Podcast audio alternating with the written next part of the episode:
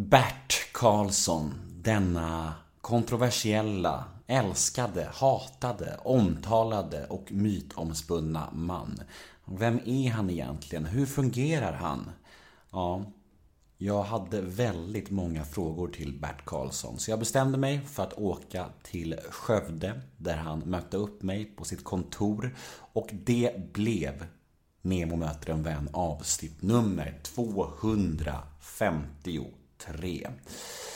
Detta är ett podmi exklusivt avsnitt vilket betyder att man eh, måste ladda ner podmi appen eller gå in på podmi.com för att eh, konsumera den här episoden i sin helhet. Väl inne på Podmi så börjar ni bara prenumerera på Nemo möter en vän och vips så får ni tillgång till de här premiumpoddarna som jag släpper då och då. Första månaden av prenumeration är helt gratis och efter gratismånaden så kommer det kosta 29 kronor i månaden och det är ingen bindningstid eller inget sånt trams. Ingen reklam i poddarna heller, ingenting. Bara ren och skär poddlyssning. Och eh, ja, mer än det jag sa nyss tror jag inte jag behöver säga om Bert Karlsson. Han behöver ju ingen närmare presentation. Han måste ju vara en av landets mest kända människor. Ja, podden den klipps nu för tiden av Johan Frid som jag tackar så mycket för sin hjälp. En duktig kille. Och eh, jag heter Nemo Hedén på Instagram och ni får supergärna följa mig där, då blir jag jätteglad. Vill ni mig något så finns jag på nemohedén gmail.com Och efter den här lilla pratan så följer en liten teaser från mitt samtal med Bert Karlsson. Ett smakprov kan man säga. Och om ni vill höra podden i sin helhet, ja, då vet ni vad ni ska göra. Då går ni in på podmi.com eller laddar ner podmi-appen. Där finns hela mitt samtal med Bert. Karlsson. Nu ska jag sluta babbla. Nu drar vi igång det här. Nemo möter en vän avsnitt nummer 253. Plats på scen för Bert Karlsson. Rulla gingen.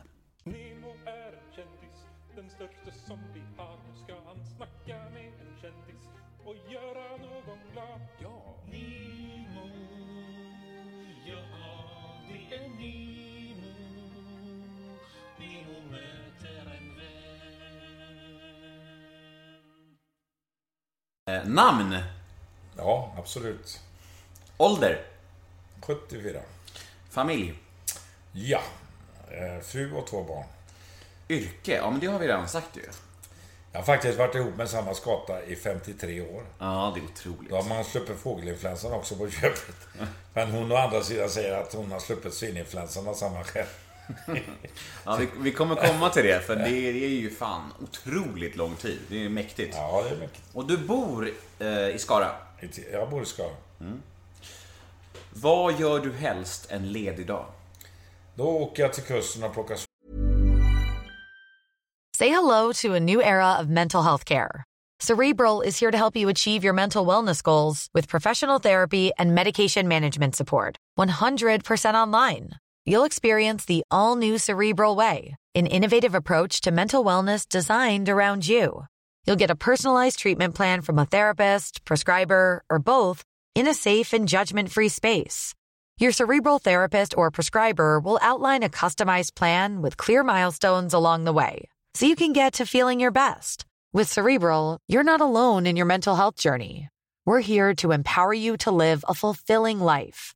So take that first step towards a brighter future and sign up today at cerebral.com slash podcast and use code ACasts to get 15% off your first month. Offer only valid on monthly plans. Other exclusions may apply. Offer ends July 31st, 2024. See site for details. Hey, I'm Ryan Reynolds. Recently, I asked Mint Mobile's legal team if big wireless companies are allowed to raise prices due to inflation. They said yes. And then when I asked if raising prices technically violates those onerous two year contracts, they said, What the f are you talking about, you insane Hollywood ass? So to recap, we're cutting the price of Mint Unlimited from $30 a month to just $15 a month. Give it a try at mintmobile.com slash switch. $45 up front for three months plus taxes and fees. Promoting for new customers for limited time. Unlimited more than 40 gigabytes per month. Slows. Full terms at mintmobile.com. svamp. Paradrätt. Ja, det finns ju många. Makrill naturligtvis på västkusten, det är ju självklart. Sen gillar jag stek. Eh, herrgårdsstek, det älskar jag. Med kantareller. Eh, saltsill gillar jag faktiskt. Eh, med lingon.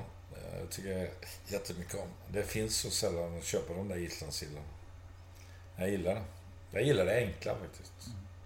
Vad missbrukar du? Ja, vad missbrukar det? Telefoner i så fall. Kanske jobb också? Va? Kanske jobb? Nej, det tycker jag inte. Jag, idag är det inte så farligt. Det är Okej. lagom. Vem borde svensk media skriva mindre om? Ja, jag tycker att de överdriver på alla sådana kändisar som har blivit... Eh, man eh, tycker... Eh, Perelli och alla de här som skriver, det spelar ingen roll vad de säger så är det plötsligt en helsida. Eh, det är ett gäng kändisar man kör runt hela tiden. Vilket jag tycker är väldigt tråkigt. Det finns så mycket annat att berätta. Fantastiska människor. Lill-Babs kan man inte skriva för mycket om. Det, det är väl det enda undantaget.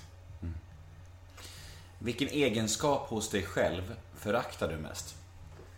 Nej, men det är att jag är för spontan ibland och gör grejer lite för snabbt. Det är lite onödigt. Sen kan jag bli lite... Ja, Jag upplever inte själv så, men eh, andra upplever att jag hetsar upp mig. Och det är inte så bra. Bra, du överlevde faktarutan. Snyggt jobbat.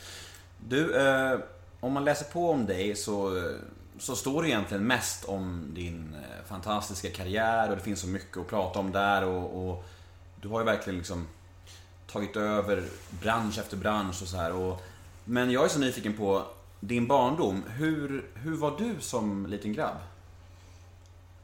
Ja, jag var nog eh, en som organiserade hela tiden.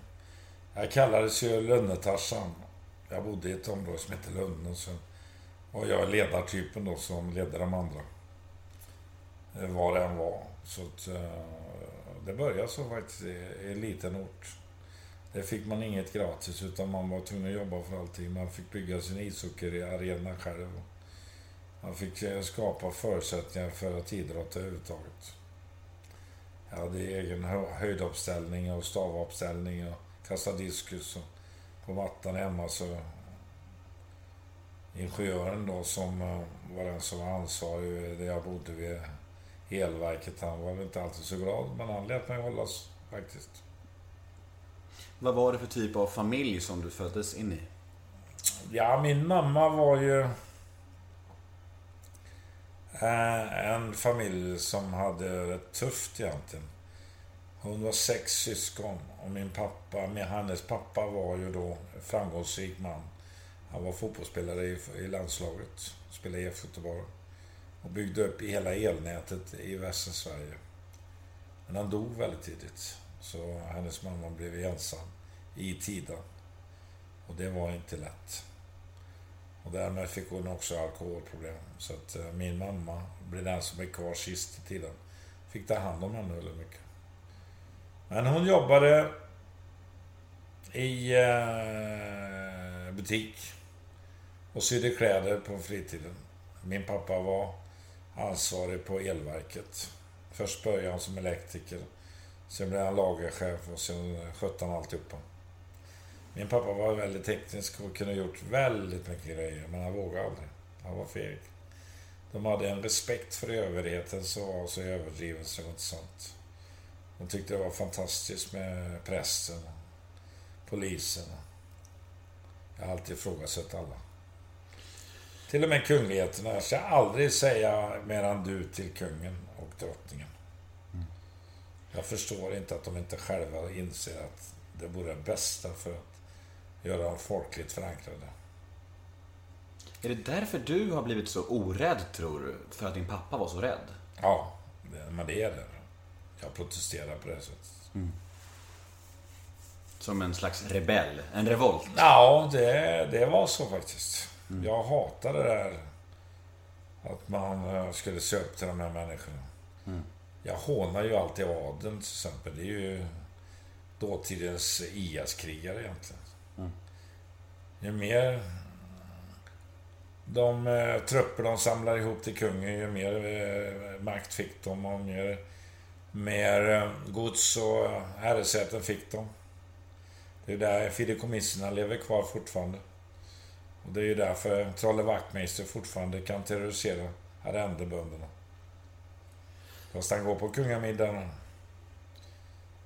Jag har ju varit på kungamiddag också. Det finns inget som är mer opersonligt än det. Det är ganska intressant att sitta och iaktta folk där som spelar en roll hela tiden. Och sen är det så viktigt, de, om de har roligt eller ej spelar ingen roll. Bara de kan säga att jag var på kungamiddag. Mm. Prins ja. Bertil var en god gubbe faktiskt. Den gillar jag väldigt mycket. Mm. Och hans fru också. Victoria tycker jag har tagit efter. Hon är fantastisk. Mm. Och de har valt alltså vanliga. Både eh, prinsen och eh, Victoria har valt vanliga. Och jag tycker nog faktiskt att engelsmannen är ganska vanlig också. Han vill nog protestera lite mot det där och är inte med alltid. Jag tyckte först att han lät eh, tråkig, men eh, jag ändrat mig sedan jag såg en intervju med honom. Det visade sig att han var ganska bra. Mm. Men hur, eh, hur minns du din skoltid? Vilken roll tog du i plugget? Min skoltid var ju i Tidan. Jag var ju inte många år där, för att det var ju så på den tiden. Första klassen, andra, och tredje och fjärde. Sen fick man möjligheter att åka till Skövde. Så jag gick på Lärverket här uppe faktiskt, där vi kan se härifrån. Ihop med massa höjdare. Bosse Ringholm var en av de som gick där. Han som har otur när han tänker. Eh, han spelade också fotboll i Skövde AIK, som jag sedermera gjorde också. Så att eh, Marie Gernandt, Anders Gernandts dotter, gick i samma klass som Finnike var en som hette Tam, hette en annan. Så det var ju bara sånt folk. Men det, jag var mm, jag blev kompis faktiskt med en, eh, en kille som hade kommit som, eh, som, eh, som barn till en familj här. Blivit omhändertagen. Och han var ju bortskämd något så fruktansvärt så han var ju den enda i klassen som hade konto på ett, en butik. En godisbutik. Så det var ju bra att vara kompis med honom. Då fick man ju obegränsat med godis. Men den killen gick inte så bra för sig. Det är konstigt. Men det är ganska självklart. När man får någonting bara serverat. Mm. Men hur kommer det sig att du hoppade av plugget så pass tidigt? Nej, jag hoppade inte av så tidigt. Jag gick... Eh, jag gick tre år på läroverket. Sen eh, flyttade jag tillbaka till Tidan. Gick där i två dagar. Eh, flyttade tillbaka till Skövde och började om på samma, fast inte på samma skola. Gymnasieskola då. Och Helenaskolan heter det. Ehm, och gick ut där faktiskt. Sen tog jag en, en kurs faktiskt i företagandet. Så jag gick ett år på det också. Mm. Sen började jag. Så jag gick inte hela vägen på skolan. Det gjorde jag inte, men tillräckligt många år. Mm -hmm. Jag fick för mig att du hoppade av i gymnasiet, men då måste jag ha läst fel någonstans. Nej, jag fortsatte ett år till alltså. Mm och lärde mig grunderna för företaget. Mm. Men hur kom den idén då? Och hur kom den längtan efter att företaga? Nej men det var ju mina, min, som jag sa till dig så var min morf, morfar företagare i 100%. Han var ju inte bara fotbollsspelare. Mm. Han var fiskhandlare också vid sidan om. Och samtidigt som han jobbade och byggde upp elnätet där i... Men min morbror tog efter detta och han var en av de som var med och byggde upp Hemköp. Så Hemköpsbutiken var ju det bland det första jag startade. I Skara och Lidköping. Hur kommer det sig att man går från Hemköp, eller livsmedelsbutiker, till, till eh, musiken? Hur, hur går en sån väg? Ja, ja, det var ju så att när jag höll på med affärerna så hade jag kompisar i ett band som heter Magnus Quintet. Min svägerska sjöng där. Och eh, jag kände killarna och de i sin tur hade ju nära kontakt med Sven-Ingvars. Så att jag var ju med om deras båda uppgångar. Och eh, blev lite intresserad av branschen och började på vid sidan om och boka dansband. Små dansband. Men då fick jag så dåligt betalt. Så att jag insåg att jag måste göra som Sven-Ingvars och Magnus inte att få en hit. Jag hade ju sett spelplanen på Sven-Ingvars innan de blev kända och likadant Magnus. Och eh, plötsligt så var de fullbokade till eh, tio gånger priset de hade innan. Så jag insåg att nu skulle jag se till att banden kom på Svensktoppen. Eh, för att jag skulle boka dem lättare. Det var inte skivbolag jag tänkte starta utan jag ville bara ge ut skivor. Och eh, sen fanns det en förebild här i, här i eh, området som hette Cole Candice. En kille som hette eh, Einar Svensson. Han drev ett bolag. Och hade blivit oerhört framgångsrik om han inte hade dött. Han fick cancer ganska tidigt. När jag kom igång med min verksamhet 72, då dog han.